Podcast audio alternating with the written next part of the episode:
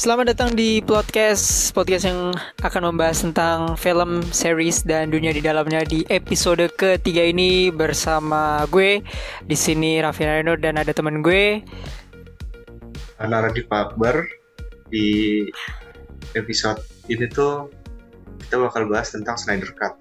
Yes, betul sekali. Trailer yang rilis tepat satu minggu setelah podcast ini rilis ya. Hmm. Jadi Uh, sudah ditunggu-tunggu sejak 2017 dan akhirnya uh, Justice League Snyder Cut happening. Tapi sebelum kita ngomongin Snyder Cut, uh, jangan lupa untuk dengar dua episode awal. Uh, episode pertama kita ngebahas tentang bioskop dan episode kedua kita membahas tentang series K drama series gimana cara sebutnya tapi ya itulah yaitu startup yang sedang happening beberapa bulan lalu jadi jangan lupa untuk didengerin. But kita tidak berdua lagi. Uh, basically gue sama Naruto memang suka sebenarnya sama DC Comics, uh, DC dan lain-lainnya. Tapi tentu saja kita harus memiliki apa ya orang yang lebih apa ya radikal dalam tanda kutip untuk berbicara tentang ini. So uh, ada teman gue juga yang sangat suka DC DC fanboy dalam Kapital. Ada Rizky Fauzan. Halo. Halo halo halo. Uh, Well, technically lu gak bisa bilang gue DC fanboy fanboy amat ya. Soalnya gue kalau komik okay. terlalu ngikutin. Tapi DCU fanboy oke okay lah, karena gue lumayan ngikutin DCU. Oke, okay, DCU. Oke, okay, oke. Okay.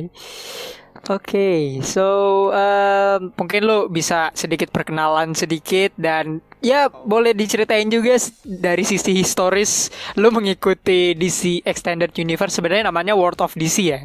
Tapi ya you can you can uh, tell us. Aha, oke okay, oke. Okay. So Oke okay lah gue gue kenalan diri dulu ya. Uh, basically kalau kalian pengikutnya Ray Nur, kalian tahu kalau Ray ini ngerilis podcast yang lain namanya itu Plus Minus. Dan waktu yep. itu gue sempat diundang juga di Plus Minus beberapa kali sebagai tamu di. Jadi gue selain suka DC, gue juga suka basket dan ya uh, gue ini sebenarnya adalah uh, anggota dari podcast juga yang gue currently kelola namanya Awkward Awkward Network. Itu terdiri dari beberapa podcast juga. You can check it out on our Instagram. Uh, dan yeah I think that's enough for my introduction. Tapi kalau oke okay, sekarang gue pengen beralih ke DC nih ya. Kayak story about DCEU yang kayak apa sih? Oh sorry Worlds of DC ya. Yap, yap. Kayak, Aha, oke. Okay. sebenarnya kalau ngomongin Worlds of DC ini, gue sebenarnya pengen ini dulu, pengen apa namanya, pengen mention mention dikit. There is no DCEU. The, the word DCEU and Worlds of DC is not gak nggak nggak nggak pernah diakuin gitu. Worlds of DC itu cuman kayak uh, ya udah lagi ada event ya udah namain aja Worlds of DC. Kayak kemarin fandom kan gak ada tulisannya Worlds of DC. Cuman welcome yep, yep, DC betul. aja. Jadi kayak uh, as you can see Warner Bros tidak tahu apa yang harus dilakukan dengan properti DC ya. which, jelas, jelas. Which Facts. brings to this topic. ya, kayaknya gitu sih. I think uh, kalau untuk DCEU apa untuk DC Cinematic Universe lah ya. Uh, posisinya sekarang awalnya kita yang tadinya apa namanya yang tadinya jelas gitu ke mana sekarang ha banyak banyak ini sih banyak tanda tanya sih kalau menurut gue ya. Yep yep. Oke okay, oke. Okay. uh, clear. Uh, jadi Fauzan adalah tadi yang sudah disebutkan ya DC fanboy. Kalau Lunar apakah lo sebenarnya ada di aliran yang berserbarangan ya? Yaitu adalah Marvel karena kita akan bahas sedikit tentang salah satunya adalah DC extended universe jadi universe superhero lu sendiri uh, growing up as a Marvel fans or a DC fans? Gue pribadi sih sebenarnya lebih ke DC cuma gue ikutin semuanya sih kayak Marvel ikut terus kalau nggak salah gue sempat lumayan baca-baca soal Dark Horse komik juga. Jadi tapi nggak dalam sih ya. ya ngikut lebih ke DC soalnya gue nonton waktu kecil tuh gue nonton kartunnya kartun DC itu Batman terus Justice League. Kalau Marvel gue malah agak jarang sih cuma gue ngikutin dua-duanya sebenarnya.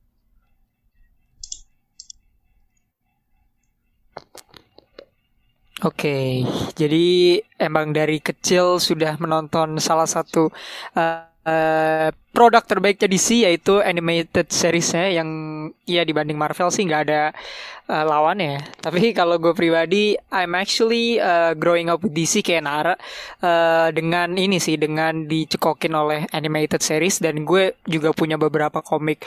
Sebenarnya bokap gue sih yang DC fans karena beliau uh, sangat suka dengan Superman ya dan teman-temannya. Gue sih lebih ke Batman. Nanti, nanti tapi nanti soal superhero ini kita akan ngomongin lagi. Tapi uh, balik lagi, gue punya beberapa komiknya dan segala macam. Kalau Marvel sendiri justru gue baru tahu saat MCU lagi mulai ya kayak Iron Man, Iron Man 2, Incredible Hulk uh, sampai Captain America.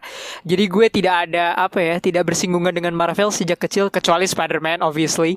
Tapi kalau ngomongin DC ya gue banyak sekali momen-momen DC uh, termasuk kayak tadi gue bilang gue ada komiksnya dan segala macam jadi ada beberapa cerita yang sebenarnya gue udah tahu tapi ketika difilmin kayak oke okay, jadi seperti itu gitulah. Um, Snyder Cut ya balik lagi yang akan kita bahas. Minggu kemarin trailernya muncul di YouTube di Instagram TV-nya Zack Snyder sampai di HBO Max. Uh, trailer ini sudah ditunggu-tunggu banyak orang dan ini first official trailer. Kalau nggak salah Zack Snyder sempat keluarin official teaser beberapa bulan yang lalu pendek tapi sekarang official trailernya. Semuanya bener-bener ditampilin ya. Dari 4 jam film yaitu cuman ada uh, di trailer itu cuma ditampilin 2 sampai 3 menit ya. Jadi there is still a lot can happen. Tapi menurut lu Jan uh, when you saw the, the Snyder trailer, Snyder Cut trailer pertama kali rilis yang trending nomor satu di Twitter selama kurang lebih eh, uh, 20 jam. Reaksi lu gimana, men? Uh, Oke, okay. uh, funny thing that you mention about Twitter. Soalnya kalau kita ngomongin tentang Snyder Cut, Snyder Cut sendiri juga apa buah hasil dari orang-orang Twitter yang kesel sama Justice League. Dari hashtag release the Snyder Cut sampai the actual Zack Snyder's Justice League actually ended up happening di HBO Max itu semua karena Twitter dan ya as apa sebagai uh, fans DCU pas gue ngelihat trailer ini oke okay, sebenarnya banyak apa kalau gue gue tuh sekarang tuh udah agak-agak growing up ya kayak dulu pas tahun 2000 ketika gue bener-bener jatuh cinta sama BVS itu gue ngeliat okay. trailer Justice League tahun 2017 tuh kayak yang oh I'm so excited to this uh, the, the apa? Kayak the continuation of BVS gitu. Terus ya the movie happened and ya ya udah gitu. Uh, dan dan ya yeah, I mean singkat cerita uh, teaser apa DC fandom terjadi. Enggak deh enggak, enggak. Singkat cerita gue lompat ke ini dulu deh ke nobar Man of Steel-nya Zack Snyder di Vero. Announcement Zack Snyder cut actually happening, lompat ke DC fandom dan lompat ke sekarang. Well, my reaction to the trailer sih gimana ya? Sebenarnya gue gak terlalu yang sampai nangis-nangis kayak gue nonton trailer BVS Comic Con pertama kali. Tapi pas gue uh, apa? Tapi gue tetap shock, apalagi di akhir-akhir tuh. Yang Oh yes sir. Ya, yeah, ya, yeah, I mean, dude, he deserves another chance and if yep, setuju.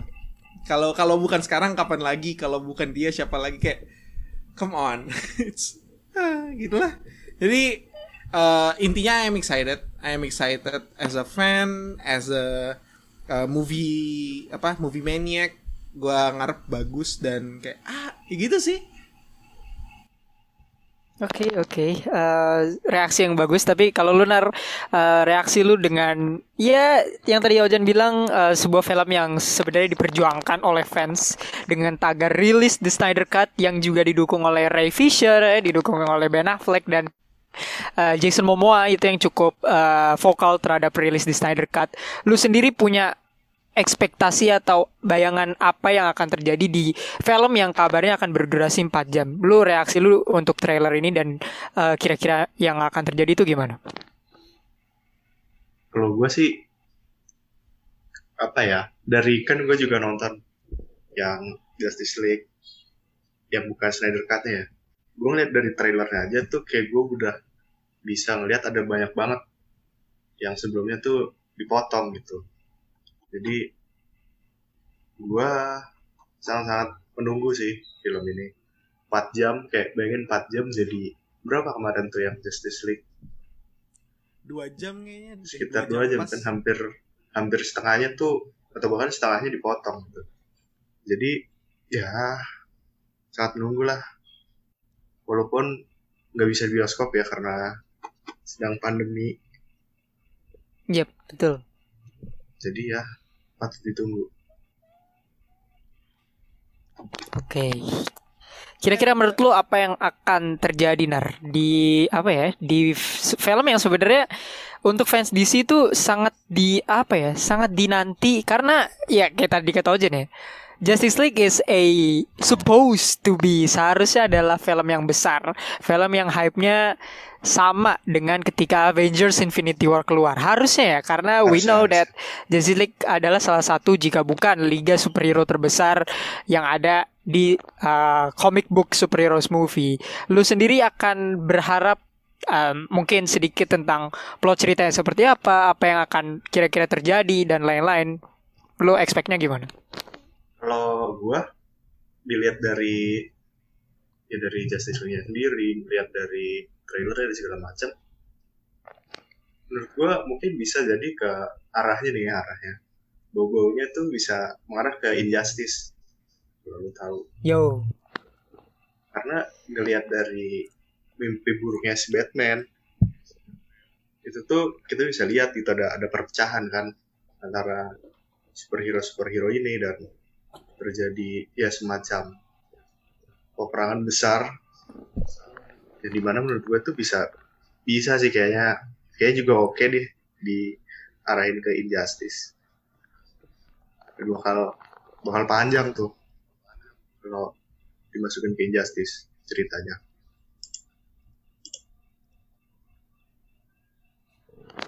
Yep, yep. Injustice ya berarti di bayangan lo.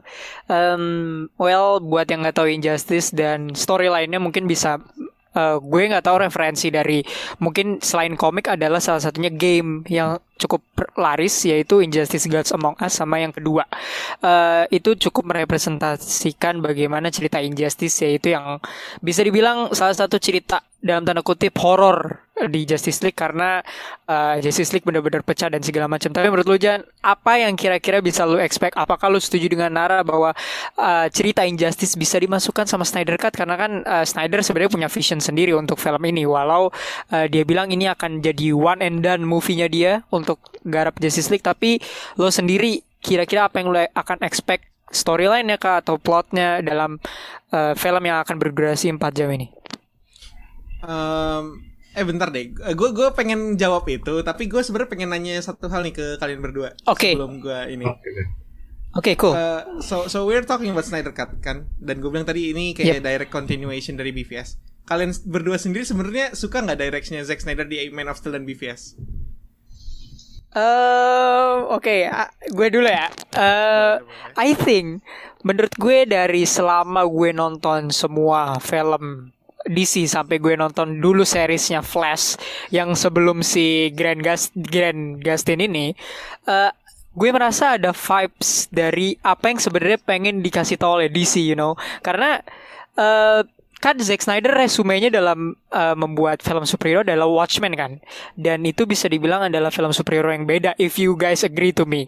Eh, walau sampai sekarang gue gue tuh bukan tipe yang ngikutin superhero yang eh, under the radar gitu ya kayak Watchmen. Tapi gue tuh suka sebenarnya dengan penggambaran ketika Zack Snyder direct Man of Steel ketika Man of Steel muncul.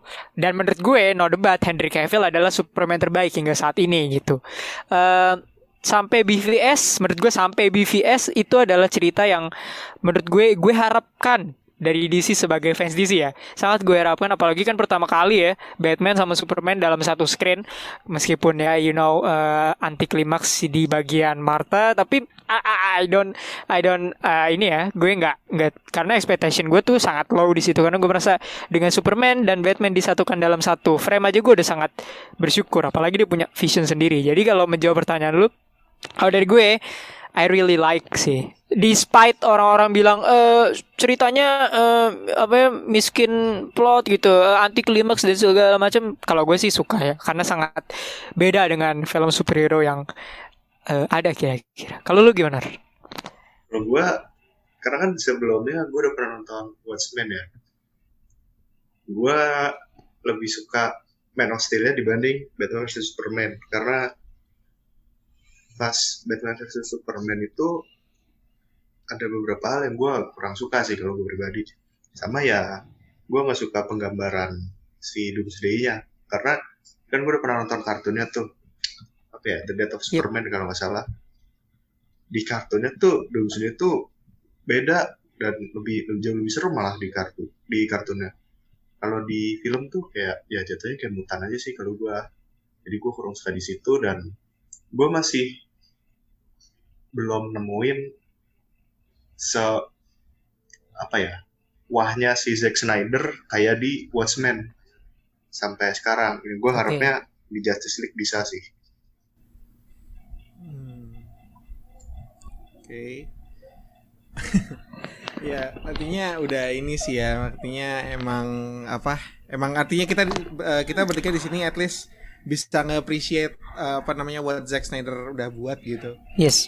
Soalnya in order to enjoy Justice League, at least lu bisa nge-appreciate dua film itu karena kalau misalnya lu dari awal yang Betul. emang eh misalnya let's say lu suka apa lu apa one of those toxic fans yang suka MCU benci DCU gitu. Itu lu udah kayak you know apa lu nonton ZSJL ini ya dengan pikiran oh gue akan benci film ini gitu loh.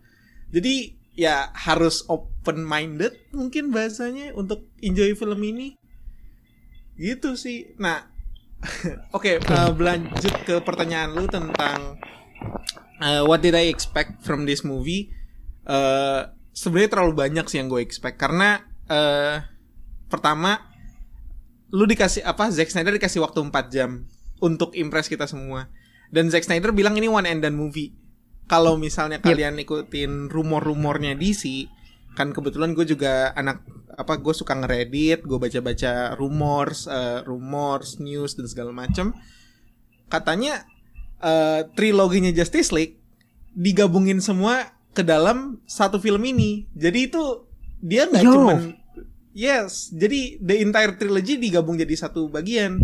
Dan dari trilogi apa rumor-rumor trilogi dulu itu banyak banget yang kejadian dari The Death of Batman mungkin ada apa ada Crime Syndicate ada apa eh, Superman has a son named Bruce after the death of Bruce Wayne. Kayak there's a lot of things. There's a lot of things that kayak harus ada gitu. Tapi tapi gue juga akan merendahkan ekspektasi karena in the end of the day the fact that we can ini sama kayak BVS gitu. The fact that Batman and Superman ada satu screen itu udah bikin gue eh, apa? Udah bikin gue eh, satisfied. Nah, Justice. League ini gue ngerasa juga karena gue juga ngikutin storynya Zack Snyder di mana dia treated an apa diperlakukan tidak adil sama uh, Warner Bros. dan segala macam. Gue ngerasa the redemption story itu adalah satu hal yang bisa gue apresiasi. The the story behind the scenes-nya itu bikin gue bisa ngapresiasi film ini. Jadi uh, I expect a lot tapi whatever they brings I will enjoy it either way. Gitu sih kalau gue Oke, Eh, fun fact, eh, I know that gue tahu Snyder punya vision untuk bikin trilogi, tapi gue nggak pernah denger berita kalau trilogi itu akan dimasukkan ke dalam satu film yang durasinya 4 jam ini. Gue nggak tahu, gue baru tahu hari ini. Gue baru tahu pas rekaman ini. So, ini itu bakal gila ya. Itu bakal gila karena ini kalau ngomongin Snyder Vision itu yang dia visionnya kan ah, bakal bikin trilogi kan karena dia nggak pengen bikin universe yang sebanyak Marvel yang punya 22 film dia cuman bikin pengen bikin eh ya dijadikan satu ya di dalam tiga trilogi satu liga ini para superhero nya dan ya just that gitu trilogi yang seperti mungkin Dark Knight trilogi atau mungkin Spider-Man trilogi dan segala macam dia pengennya bikin kayak gitu. Tapi eh, speaking of expectation kalau dari gue pribadi eh, I'm gonna lower my expectation karena ekspektasi gue terhadap Justice League tahun 2017 itu sangat-sangat besar sekali, teman-teman. Dan ngelihat dari trailernya yang pertama ya, dengan uh, dengan trailernya waktu itu uh, lagunya Led Zeppelin, if I'm not mistaken, uh, menurut gue sih uh, itu adalah salah satu trailer yang cukup bikin gue hype karena satu tahun, eh sorry, dua tahun setelah itu Avengers Infinity War kan keluar dan di tahun itu 2017 tuh emang um, Marvel eh di situ emang lagi gencar-gencarnya kan mau bikin film dan menurut gue salah satunya Justice League cukup sangat kecepetan kalau bisa dibilang. Tapi again karena BVS menurut gue bagus ya. Jadi gue sangat menunggu dengan apa um, apa ya mimpi masa kecil gue melihat superhero superhero favorit gue liga favorit gue disatukan itu adalah salah satu mimpi kecil gue tapi ya you know what happened Josh Whedon happen jadi uh, gue sih setuju juga dengan mungkin kalian berdua juga lower your expectation karena ya whatever happens happens gitu. Tapi kalau ngomongin Snyder Vision, visi seorang Jack Snyder, Zack Snyder yang sempat uh, jadi setelah uh, campaign rilis The Snyder Cut ini keluar, Zack Snyder tuh kayak dalam tanda kutip apa ya? membantu fans di Vero kalau dia tuh ya apa ya spoiling apa yang sebenarnya dia rencanakan kan? Kayak ya visionnya dia bikin pengen bikin trilogi terus cyborg uh, ternyata uh, jalan ceritanya seperti ini ada Martian Manhunter dan segala macam. Kalau menurut Lunar apakah uh, apa ya vision atau visi dari Zack Snyder ini sebenarnya kalau Warner Bros. terbangun dari tidurnya ya ini tuh sebenarnya adalah vision yang bagus. Menurut lu kalau kalau lu tahu vision vi, ya, visinya Zack Snyder kemarin menurut lu haruskah trilogi ini dijadikan satu film atau menurut lu agak terlalu maksa kalau trilogi eh film yang harusnya dijadikan tiga itu dimasukkan ke dalam satu film berdurasi 4 jam? Kalau dari gua kayak agak terlalu maksa sih. Soalnya sebelum lo masuk ke trilogi pun gue ada banyak yang harus dijelasin gitu. Karena kan dari Man of Steel yang sendiri menurut gue ya kayaknya akan lebih oke okay kalau dia punya seenggaknya dua film lah. Superman karena di BVS pun kita ngeliat Lex Luthor sebagai musuh ikoniknya si Superman itu kita masih nggak ngeliat gitu. Potensi terbesar Lex Luthor itu apa bahkan kayak ya kita bahkan di BVS tuh baru lihat Lex Luthor botak di akhir-akhir kan.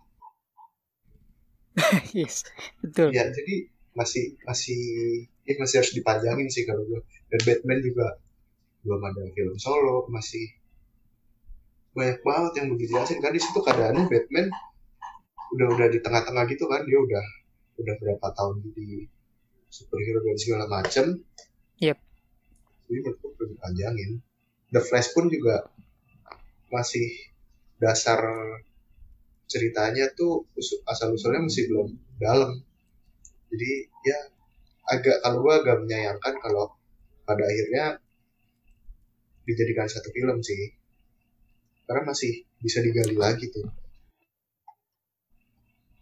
Oke, okay, berarti lo adalah orang yang pengen tahu asal usul dari sebuah film misalnya kayak superhero superhero ini tuh per, butuh film-film standalone sendiri misalnya kayak how Marvel build Iron Man, Captain America dan teman-teman dengan film-film solo mereka termasuk Black Widow yang dapat film solonya tahun ini. Tapi Jan kalau dari lu sendiri, apakah lu adalah orang yang sependapat dengan Nara atau lu orang yang sebenarnya film solo tuh nggak perlu perlu amat gitu background story tuh nggak perlu perlu amat. Lu tuh ada di bagian yang mana sebenarnya? Uh, gini, kalau ngomongin tentang Snyder's Vision nih, tentang ya yep. maksudnya bagaimana Snyder's Vision, menurut gua ini perkara sebenarnya gini, yang ini as far as I know ya, correct me if I'm wrong, gua nggak tahu ini benar atau enggak. Yep, yep. Jadi kan Zack Snyder sendiri ditunjuk untuk mendirect uh, apa rebootnya Superman ini. Yeah, so ya yeah, yeah, apa reboot uh, reboot Superman ini Zack Snyder ditunjuk sama Christopher Nolan kan? Dari ya director of the Dark Knight trilogy. Dia bilang karena Watchmen itu adalah film yang ahead of its time. Dia bilang gitu. Dan correct me if I'm wrong gue mikir Man of Steel tuh gak akan menjadi expanded universe di mana Justice League ada gitu. Itu bener-bener kayak dibu apa idenya itu ada tahun 2000 after the movie came out gitu, bukan dari pertama kali Zack Snyder buat, tapi setelah mu- filmnya keluar, dia ngerasa gue harus ngelanjutin ini expanded jadi A Story of Justice League, tapi revolves around Superman gitu. Karena ya itu kan Iya, apa iya. the the the born, the death and the rebirth gitu kan yang basically kan itu ter- three arc-nya Superman di DCU ini seharusnya. Cuman gua gua ngerasa visinya Snyder ini mungkin tidak secara apa? tidak baik untuk komersil. Gak gua apa? Gue yakin banget gak akan laku. Bahkan kalau misalnya BVS Ultimate Edition rilis di bioskop yang 3 jam, karena gue tahu banget Warner Bros juga gak akan mau setel 3 jam film film kayak gitu 3 jam ditayang di bioskop juga nggak akan mau gitu kan makanya yang kita dapat theatrical cut yang dibenci banyak orang gitu Yes. Nah, jadi gue ngerasa eh, apa? In the end, menurut gue Snyder's vision untuk expanded universe gak akan commercially accepted. Tapi eh, gimana ya? Gue yakin itu akan kayak age well gitu loh. Kalau misalnya ini story one and done gitu, kayak kayak Godfather lah kayak mis. Well, no no, it's it's way too huge the story. A- apa ya? Kayak you know ada kayak film-film yang lu cuman cu- cukup trilo, lu cuman butuh kayak lima film untuk ngejelasin ceritanya udah kelar gitu. Nah, itu tidak cocok untuk apa untuk kondisi sinema sekarang, kondisi film sekarang kan lu pengen bikin duit sebanyak mungkin, jadi lu harus nge-monetize this superheroes, right? You need to make every single movie. Bahkan Aquaman dibikin The Trench or something gitu-gitu.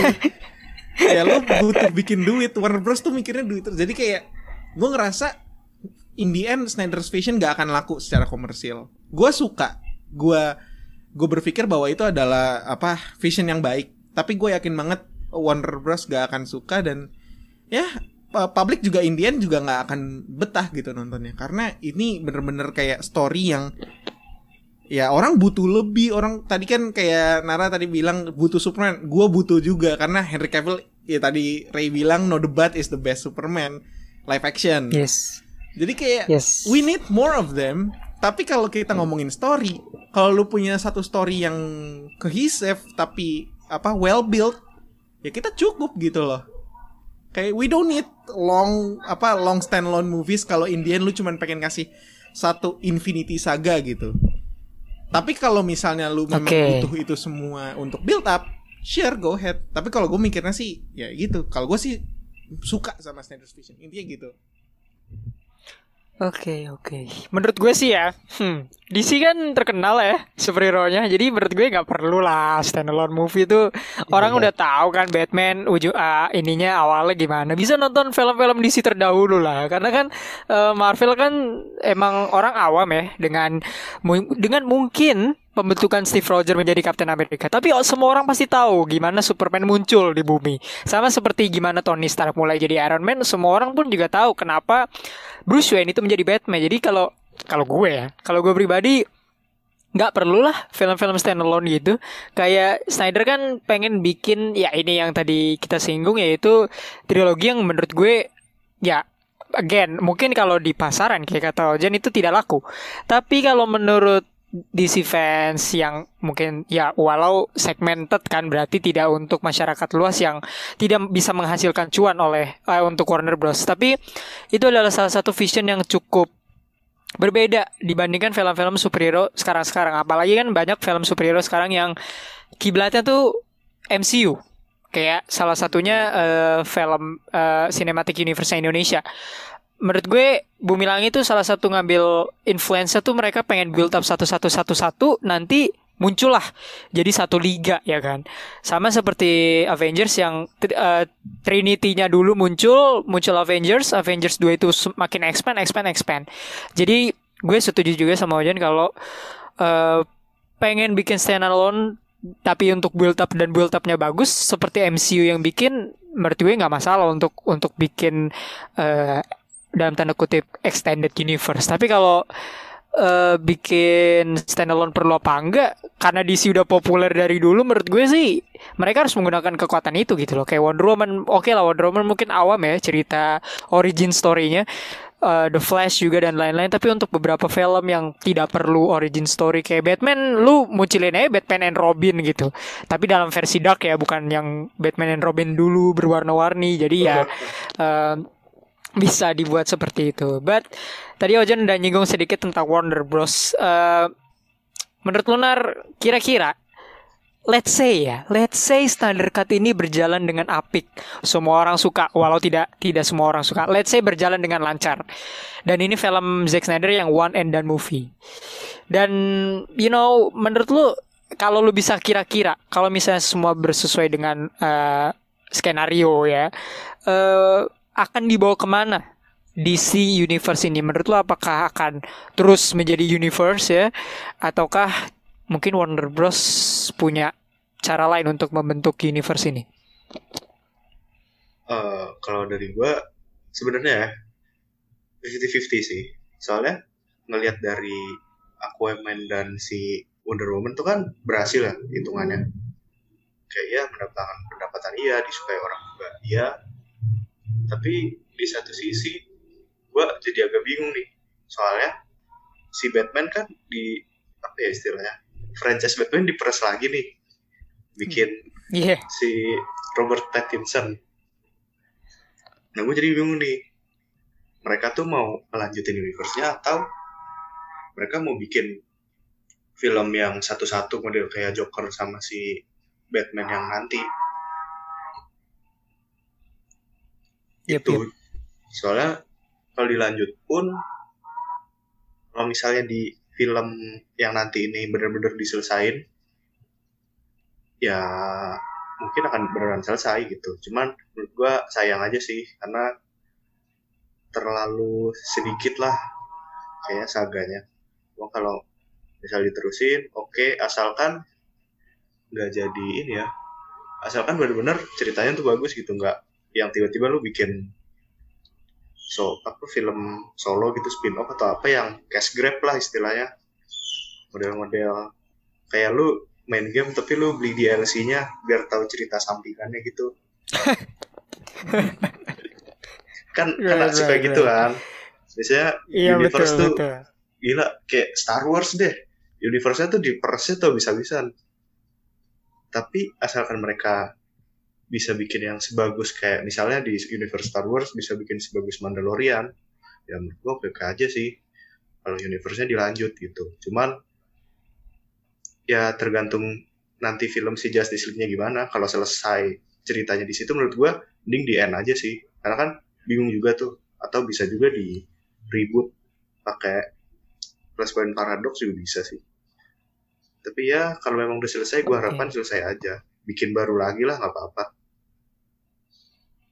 Oke, jatuhnya kayak tapi ributnya tuh yang serapi X-Men lakuin di Days of Ah. Future Past kayak itu tuh Iya. kan rapi banget kan soft rebootnya. Gue sih berharapnya kayak gitu juga. Itu rapi banget. Jadi mungkin kayak kata Nara, Flashpoint atau The Flash nanti kan sudah nge-cast Michael Keaton yaitu Batman 1989 dan ada Ben Affleck. Tapi kalau menurut lu eh, Jan Warner Bros ini kan gimana ya? Bukan pengen menjelek-jelekan tapi banyak franchise yang especially akhir-akhir ini mereka kan sekarang in, yang lagi in running itu Fantastic Beasts sama ya ini si DC. Dan bisa dibilang sedikit abu-abu nih tracknya. Kalau lu sendiri pengennya sebagai fans DC tracknya ini ke depannya kalau Zack Snyder ini aman-aman aja nih lu mau tracknya nih mau dibawa ke mana? Eh, gini, ini kan Zack Snyder ini artinya ini pinnacle kalau misalnya kalau misalnya bener ini Zack Snyder bisa ngasih bisa ngasilin duit, apalagi kan Warner Bros nih ngeluarin duit banyak buat HBO Max kan.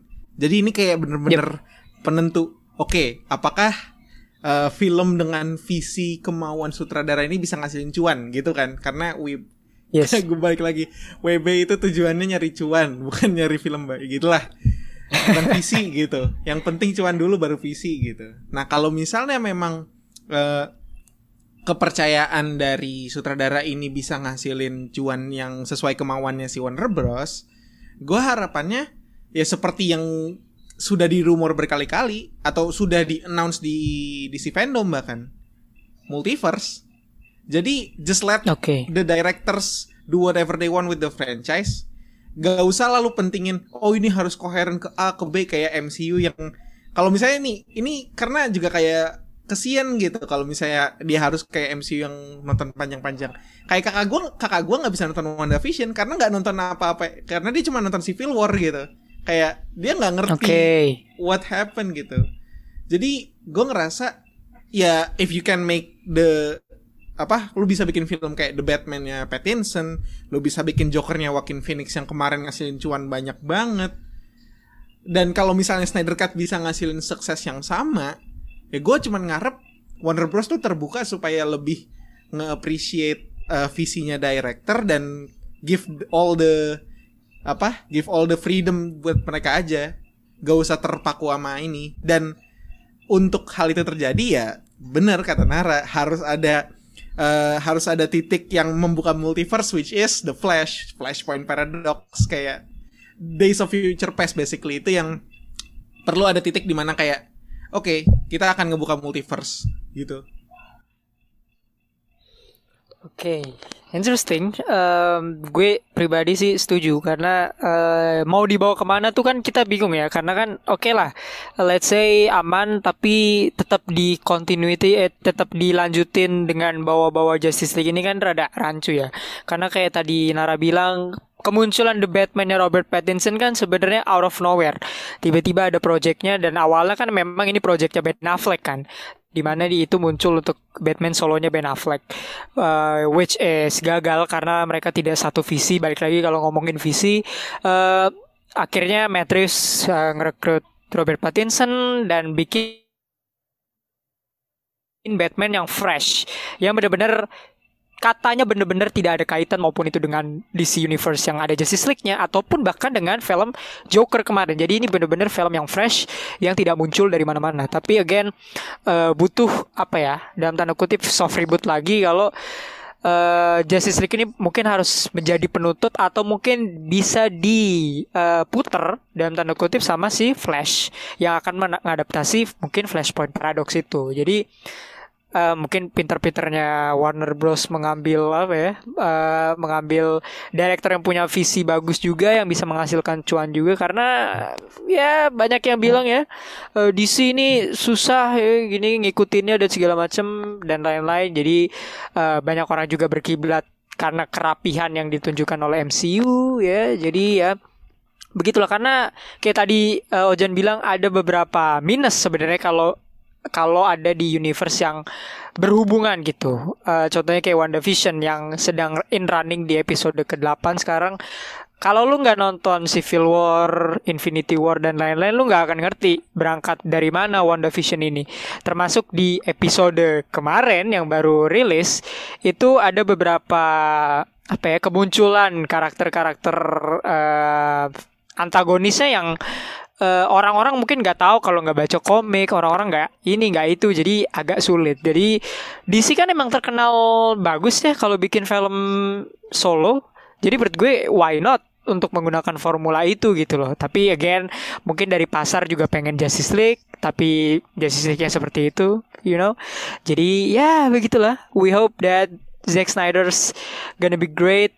Um, ada beberapa ini key key elemen ya dalam trailer kemarin yaitu salah satunya adalah kemunculan Black Superman yang sudah di eh, apa ya yang sudah terlihat di teaser dan lain-lain. Jan, do you eh, a big fan of Black Superman? Karena menurut gue eh, ide dari Black Superman ini kan memang harus ada ya karena kan di The Death of Superman di komiknya itu Superman muncul sebagai Black Superman. Ini kalau kita ngomongin elemen yang pertama eh, menurut lo Henry Cavill dengan jubah warna hitam gimana?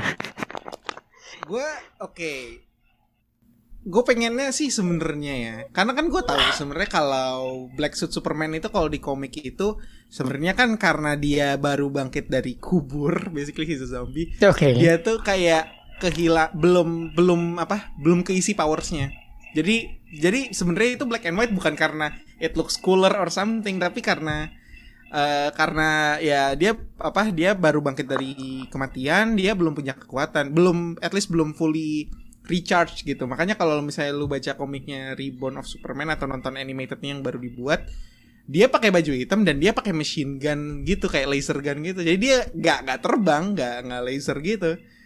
Nah tapi kalau di Snyder Cut ini, gue berharap Black Suit ini gak cuman gimmick itu aja. Gue gue suka, Oke.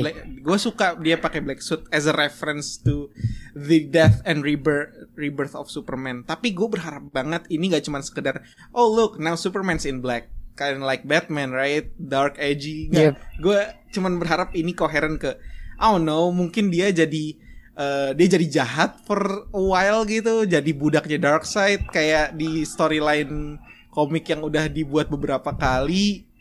Karena look, at least dari apa dari Justice League 2017, scene yang paling gue suka ya Superman versus Everybody. Despite ada cringe jokes-nya Batman, ada cringe jokes-nya uh, Flash, tapi itu scene yang menurut gue yang paling gue tunggu-tunggu dari 2017 itu Superman versus Everybody Oke. yang menunjukkan kalau ya Superman is the strongest DC character yet in the movie gitu. Jadi ya intinya gue cuma pengen gitu sih. Oke, ini akan menjadi penampilan pertama Henry Cavill sebagai Superman sejak 2017 ya, karena kan emang sih Superman muncul lagi di Shazam tapi tidak ada kepalanya ya, jadi kita tidak tahu itu siapa. Jadi gue gue pribadi senang karena awalnya kan dia sempat pengen cabut jadi Superman tapi akhirnya dia muncul lagi. Eh, speaking of kesempatan kedua ya, karena ini Henry Cavill muncul lagi. Jared Leto nar, he is back with different style di ending trailer. Lu lebih suka Joker gondrong atau Joker dengan rambut pendek, Nar? Gua gua sih Joker gondrong sih.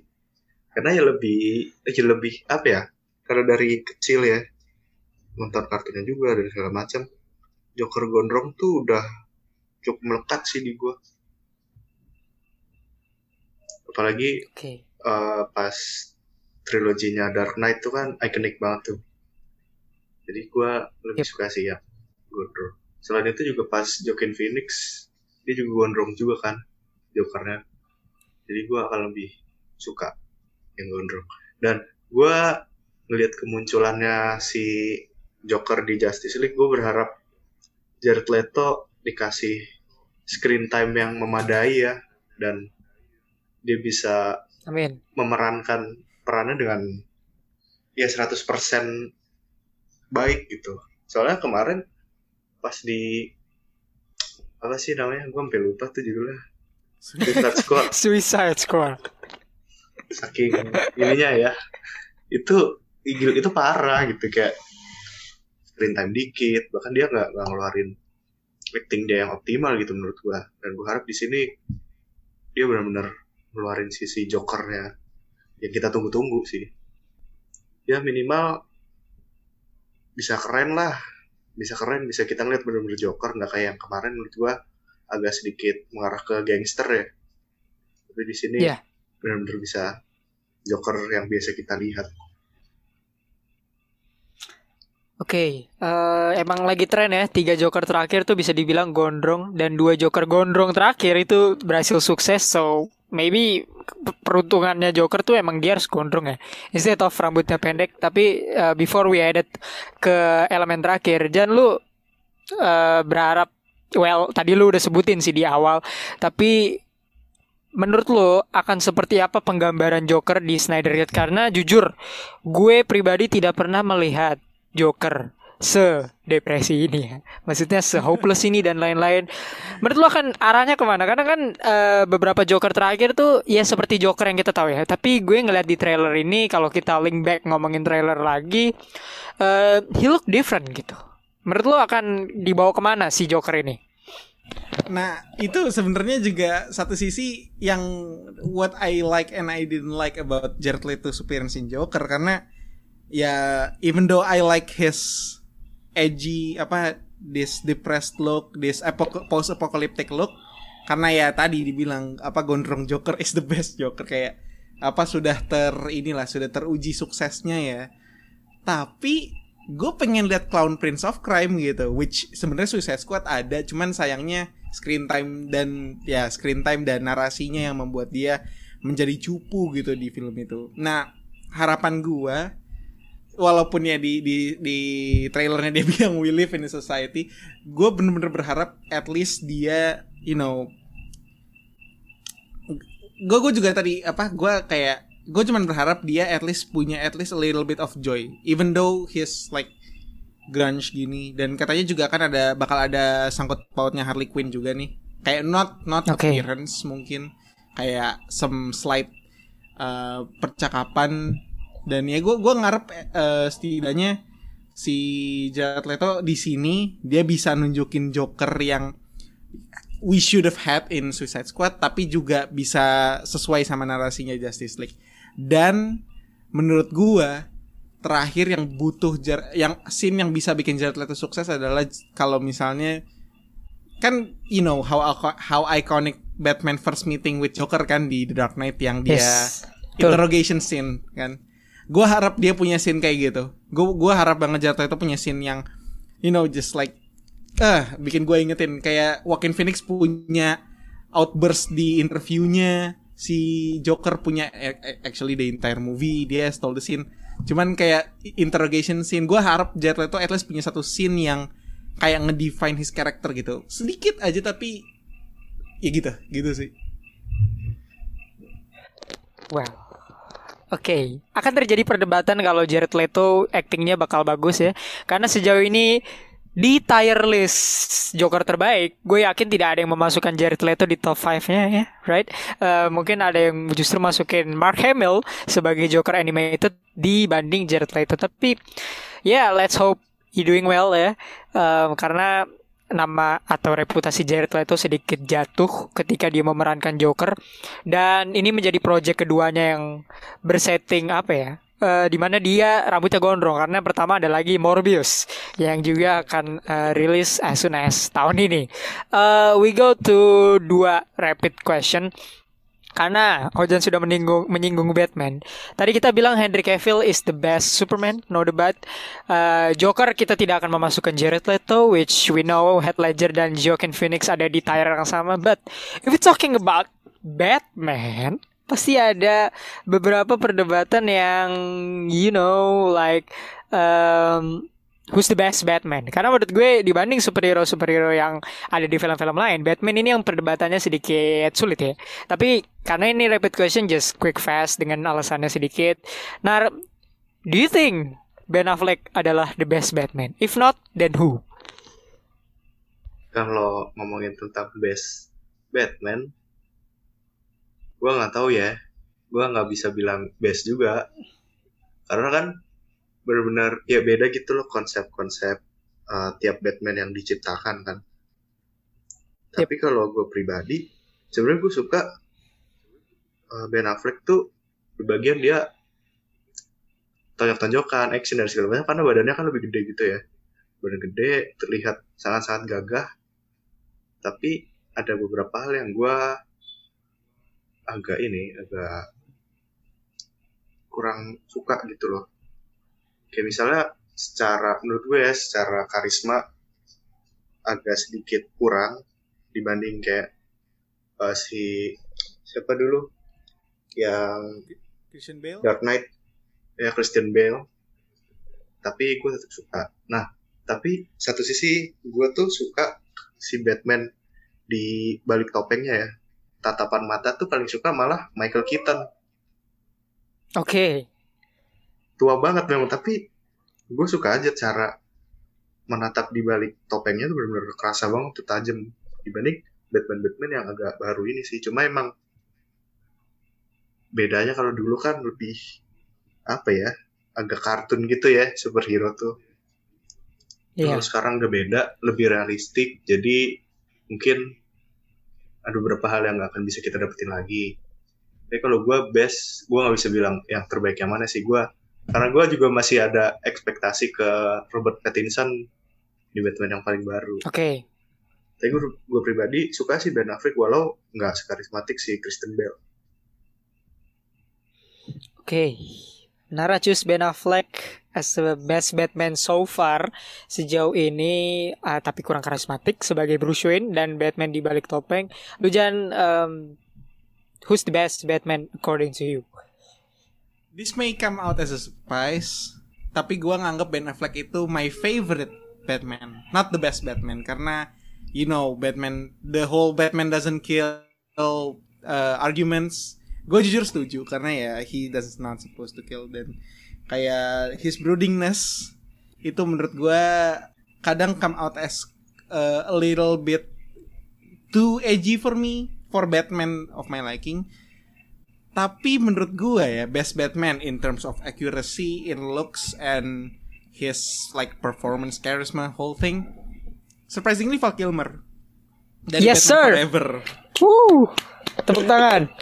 Tepuk tangan.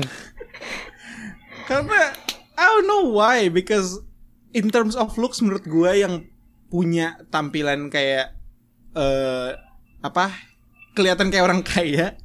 Ke- eh, pertama Betul. Christian Bale, kedua Val Kilmer. Tapi masalahnya Batman-nya Christian Bale menurut gue ya sangat you know it's like my number 3 to 4 gitu. Karena Michael Keaton masih ada Michael Keaton, masih ada Ben Affleck dan segala macam. Tapi Val Kilmer menurut gua, despite the story sucks, menurut gua he delivers so well as Batman dan itu membuat gua sangat sedih ketika gua tahu kalau misalnya uh, Batman and Robin udah bukan Val Kilmer lagi karena gua ngerasa pas ini kan gua nonton masa kecil gua ya. Gue Ya, nonton Val betul. Kilmer itu ya kan gua dulu nonton suka nonton Ace Ventura, suka nonton Jim Carrey makanya Jim Carrey di film Batman, wow, my fa- two favorite things combined into one. Dan gue sebagai anak kecil Oke. suka film itu. Dan ya makanya intinya gue suka banget sama Val Kilmer. Menurut gue dia best Batman. Tapi my favorite Batman still goes to Ben Affleck, of course. Oke, eh, kenapa gue bilang bravo ya sambil tepuk tangan karena eh, I have the same choice, tapi lebih ke ini sih, gue memisahkan ya antara Batman dan Bruce Wayne. Ini se- sedikit cepat. Batman, yes, Ben Affleck. Menurut gue penggambaran seorang Batman ya. Batman tuh harus serem menurut gue. Pertama kali scene Batman muncul di BVS itu menurut gue adalah apa ya satu shot yang apa ya Superman eh sorry Batman itu gelantungan di tembok Eh, walaupun berdiri eh ini posisinya itu gue yakin gak enak banget ya di ujung tembok men tapi itu serem banget gila itu serem banget itu setara lah dengan Christian Bale Batman yang di scene container kalau kalian tahu di Batman Begins itu berarti Oh, gue 11 12 karena menurut gue Batman itu harus serem dan harus apa ya, keadaan Batman muncul tuh harus mencekam. Itu satu. Kedua, Bruce Wayne-nya Ben Affleck tuh sebenarnya bagus tapi rada-rada apa ya? Eh, kalau dilihat tuh Bat- eh, Bruce Wayne itu rada-rada dalam tanda kutip mesum gitu ya tapi jadinya gue kurang kurang dapet. Em, kenapa gue bilang Bruce Wayne terbaik adalah Val Kilmer? Eh, Bruce Wayne itu harus memendam rasa apa ya rasa sakit gitu di di dalam dirinya. Dan penggambaran Batman di Batman Forever eh sorry penggambaran Bruce Wayne di Batman Forever menurut gue seorang Val Kilmer itu bener-bener Batman yang eh Bruce Wayne yang sakit gitu loh. Bru- Bruce Wayne yang benar-benar apa ya Bruce Wayne tuh nggak harus karismatik tapi kelihatan kaya gitu loh. Tapi dia sakit di dalamnya. He needs a friend dan friendnya mungkin adalah Joker ya. Turns out to be that. Tapi menurut gue itu gue membe- membedakan kalau portrayal Batman gue Ben Affleck tapi gue setuju sama Nara kayak karismatiknya tuh kayak kurang. Tapi kalau Christian Bale gue merasa kayak the whole thing about Batman Christian Bale adalah musuhnya gitu. Bukan with with all due respect ya kepada Christian Bale tapi kalau kalian perhatiin tiga filmnya dia nggak menang men. Batman-nya Christian Bale tuh nggak di- diceritakan di situ tuh nggak menang. Ngerti nggak? Jadi kayak Hmm. Batman Begins eh, musuhnya kan si Ra's al Ghul eh, itu tapi Batman nggak bisa solve masalah yang ada di Batman Begins. Di Dark Knight juga ya you know Joker win dan Batman sendiri yang mengakui kalau dia harus diburu supaya Joker nggak menang. Di Dark Knight Rises right? Dia meninggal gitu. Jadi eh, it's not cool to see Batman lose right? Jadi kalau gue eh, mungkin Batman terbaik adalah Ben Affleck dan Bruce Wayne terbaik adalah Val Kilmer. Dan satu rapid question terakhir before we go to mungkin ada beberapa rekomendasi film seperti biasa. Em, siapa kalau ada satu superhero di luar 6 superhero berapa sih di Justice League ada Superman, Batman, Wonder Woman, Flash, Aquaman dan Cyborg. Nar, lu mengharapkan let's say cameo lah ya. Satu superhero yang muncul di well, well we know ada beberapa rumor-rumor yang berspekulasi ya, tapi menurut lo lo berharapnya ada surprise dari superhero siapa di Justice League Snyder Cut? Hmm. Gua gue pengennya sih Green Lantern ya, tapi Green Lanternnya si ini si siapa namanya Hal Jordan bukan Green Lantern Oke. anggota lain. Karena ya gue sebenarnya lumayan suka sih Green Lantern tuh unik banget kekuatannya.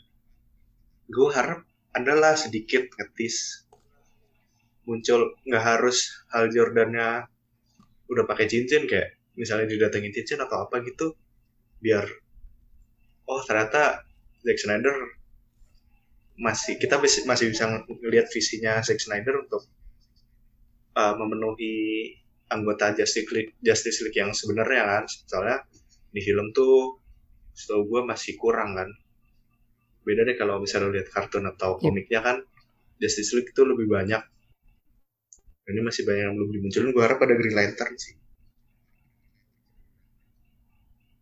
Oke. Karena harusnya dia ya yang original Justice League bukan Iya. Cyborg ya. Saya itu juga tidak mengerti kenapa Zack Snyder memasukkan Cyborg. So, Nara comes up with Green Lantern lu Jan adakah mungkin superhero di samping Green Lantern atau mungkin lu mau jawab Green Lantern is oke tapi siapa yang mungkin akan surprising kemunculannya di Justice League Zack Snyder Okay, so we have all those ini kan ya. The original six yang harusnya ada Green Lantern ada ya tanpa Cyborg. Cuman sebenarnya sih kalau Cyborg ada di kenapa ada di Justice League? Ya karena narasinya ya Mother Box dan Darkseid itu. Makanya ya Iya mau nggak mau you have to have Cyborg in it in order for it to make sense. Tapi kalau misalnya gue harus milih satu karakter tambahan yang akan jadi surprise gue nggak tahu kenapa gue pengen bukan hero bahkan gue butuh villain gue butuh Black Adam gue butuh The Rock muncul di fi- di film. Oke just Oke oke. for j- i- karena kan kita tahu kita tahu Lex Luthor akan hadir kita tahu Joker ada kita tahu uh, Deathstroke bakal ada. Why not add Black Adam? Karena The Rock udah promosiin DC dari tahun 2016 dari era Batman Superman. Iya, bener. Superman Kevin Hart pakai Batman. Dia sampai ngom sampai ngehina Marvel beberapa kali we need at least a glimpse of The Rock. Kayak ya udah gue gue pengen lihat Black Adam gue harap uh, Zack Snyder somehow tiba-tiba munculin ya munculin The Rock di itu gue akan lompat sih. So ya kalau misalnya gue harus milih satu karakter yang mau dimunculin Black Adam. Well, em, sedikit mikirin itu juga tadi, tapi em, well, maybe kalau ngomongin surprising udah pasti karakter yang gede harus datang.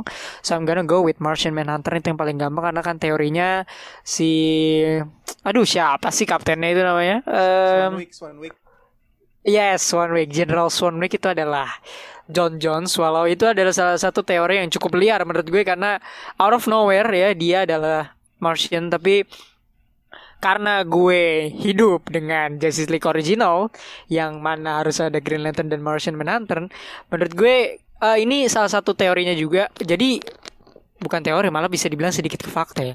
Jadi Zack Snyder tuh kayak upload semacam stiker eh stiker pack gitu Justice League dan itu ada logonya Green Lantern dan Martian Manhunter. Jadi menurut gue kemungkinan besar Martian Manhunter bakal muncul mungkin ya in the middle part of the film ya sebagai ya oke General Swanwick dan segala macam tapi well eh, I I expect ada cameo dari Robin sebenarnya. Gue Oh. gue yakin ini akan sedikit chance-nya. Tapi ada beberapa unanswered question kayak how Robin died gitu. Mungkin karena nightmare-nya adalah nightmare-nya Batman. Gue gue tahu ini nightmare-nya bersinggungan dengan uh, you know uh, Darkseid dan segala macam. Tapi menurut gue sih ada glimpse of Robin bakal lebih bagus sih menurut gue untuk sebenarnya dimasukin gitu sih. Oh shit. Karena gue tadi nyinggung Darkseid, gue belum ngomongin Darkseid. Eh, oke, uh, we're gonna go quick. Jan, uh, penggambaran Darkseid di Justice League Snyder Cut. Banyak yang bilang, ah, eh, ini CGI-nya kelihatan banget gitu. Ini kurang garang. Do you like penggambaran? Lu suka nggak penggambaran seorang uh, Darkseid atau muksin nama sebelumnya yaitu Yuxes di Justice League Snyder Cut? eh argumen CGI jelek itu dari trailer pertama ya yang teaser ya. Karena itu emang unfinished CGI gue akuin. Gue juga pas pertama kali lihat kayak eh this looks like PS3 PS3 screenshot. Tapi sejelek-jeleknya Darkseid eh, sorry, sejelek-jeleknya Uxas di teaser itu masih lebih jelek eh, jenggotnya Superman di Justice League 2017. Oh jelas. oh jelas. Cuman gue suka apa? Gue jujur suka sedih. Gue suka tapi ada nitpick sedikit. Kayak gue suka penampilannya apa Darkseid di sini dan gue suka dia nunjuk apa eh Zack Snyder decided untuk munculin trionya sekalian sama si Granny Goddess dan yang gue lupa satu lagi The Sat kalau nggak salah. Kayak gue suka dia akhirnya maksudnya uh, Apocalypse ini dia bikin dunianya sendiri. Cuman yang gue nggak suka adalah he looks too gray. Kayak I know he, Oh, Oke. he supposed apa I mean in a narrative side ya Cyborg is gray Steppenwolf is gray so Darkseid supposed to be gray. That makes sense but at least menurut gue kalau you can add a little bit of color kayak it could add some you know some some fun stuff in it. Kayak mungkin stylenya lebih kayak di Injustice 2 yang uh, muted purple atau muted blue tapi kayak kayak subtle aja gitu. At least ada sedikit warna. Kalau itu kayak terlalu putih I, apa karena itu kayak kayak skin buat Steppenwolf kalau gue lihat jadinya. Gitu sih nitpick sih cuman kayak the whole design gue suka mukanya terus uh, armornya yang scales gitu gue suka Oke. Terakhir. Menurut lu Nar, Darkseid akan menjadi villain of the year nggak tahun ini? Tahun ini enggak lah. Iya. Menurut gua Oke. masih masih jauh sih. Soalnya dilihat dari trailer Darkseid tuh ya masih polosan gitu loh. Belum ada ininya. Kayak masih kalau game RPG tuh dia masih level 1. Belum ada attachmentnya. Anjir. Jadi menurut gua masih belum sih. Soalnya kayak masih polosan banget kan, cuma buka kapak doang. Gue belum belum melihat Darkseid seseram di kalau lu pernah lihat kartun-kartunnya bagaimana Darkseid menghabisi anggota Justice League, ya menurut gue belum sampai situ sih. Jadi belum. Belum. Alright, alright. Um, ya kita lihat ya sebagai seberapa jauh penggambaran seorang antagonis utama dari Justice League. Ya mudah-mudahan sih Darkseid bisa dipotray dengan baik ya. Gue berharapnya gitu karena Steppenwolf looks really different dengan tahun 2017 so I really expect more untuk Darkseid-nya ya dan ya kawan-kawannya. So um, in the last segment tadi kita udah ngomongin Snyder Cut Justice League just comment down in at plus 62id di Instagram kira-kira menurut kalian akan gimana. Um, We go to movie recommendation sedikit. Um, siapa tahu ada yang su- nggak suka nonton superhero yang bahagia, yang superhero yang berwarna. Mungkin pada suka nontonnya superhero yang lebih dark. For some people, obviously. Uh, Jan, lu ada tidak beberapa rekomendasi film superhero yang ya mungkin ada orang yang tahu, mungkin ada orang yang belum tahu, yang harus mereka tonton ketika selesai mendengar podcast ini. Oke, um, of course you have to watch Watchmen because who watches the Watchmen gak? Karena Watchmen itu ya sangat Zack Snyder dan kalau lu butuh sesuatu yang apa namanya sesuatu yang kelam, sesuatu yang sangat berbeda dari kebanyakan film-film superhero yang lu tonton, lu harus nonton Watchmen karena ya bahkan Lord Nolan sendiri bilang itu film sangat ahead of its time. Kayak apa namanya? Karena emang sebenarnya narasinya Al- Alan Moore kan itu kan kayak eh, exact adaptation dari komik kan komik Watchmen-nya Alan Moore tahun 80-an walaupun sebenarnya penggambarannya beda di mana ini pelan dari komiknya tapi secara story secara sinematografi juga itu Watchmen bener-bener yang kayak apa namanya yang sesuatu yang menurut gue harus must watch gitu lah kalau lu apa bosen sama superhero dan keuntungannya lagi itu kayak standalone movie jadi lu nggak perlu harus tahu oh apa apa storynya Rorschach atau Night Owl lu nonton udah nonton gitu sama yang kedua DC juga lu coba nonton V for Vendetta Karena Viva Yes. Vendetta itu aduh Oke. underrated, underrated banget. Gue dulu nonton pas masih kecil gue nggak ngerti. Gue nggak ngerti. Dan gue nonton lagi pas udah gede. Itu wah gila. Gue gua nggak bisa describe banyak-banyak sih karena gue gue udah lupa juga. Tapi terakhir gue nonton tuh wah eh, menurut gue salah satu film yang kalau misalnya lu bosen nonton apa kalau lu pengen cuma nonton one off movie lu bosen nonton action yang kayak Fast Furious lu bosen nonton superhero tapi lu pengen action lu coba nonton itu menurut gue itu sangat cocok buat rekomendasi gitu sih kalau gue dua itu aja Oke, shout out for Natalie Portman MVP di film itu ya, V for Vendetta. Eh, Lunar, adakah rekomendasi kalau misalnya lu tidak ingin memberikan film superhero, at least beberapa film yang sedikit dark ya, yang film-film yang sulit untuk dicerna oleh otak tuh, lu bisa kasih rekomendasi film apa? Apa ya? Kalau superhero gue bingung sih. Kick ass kali ya? Enggak lah, gila. Bercanda. Kick Ass.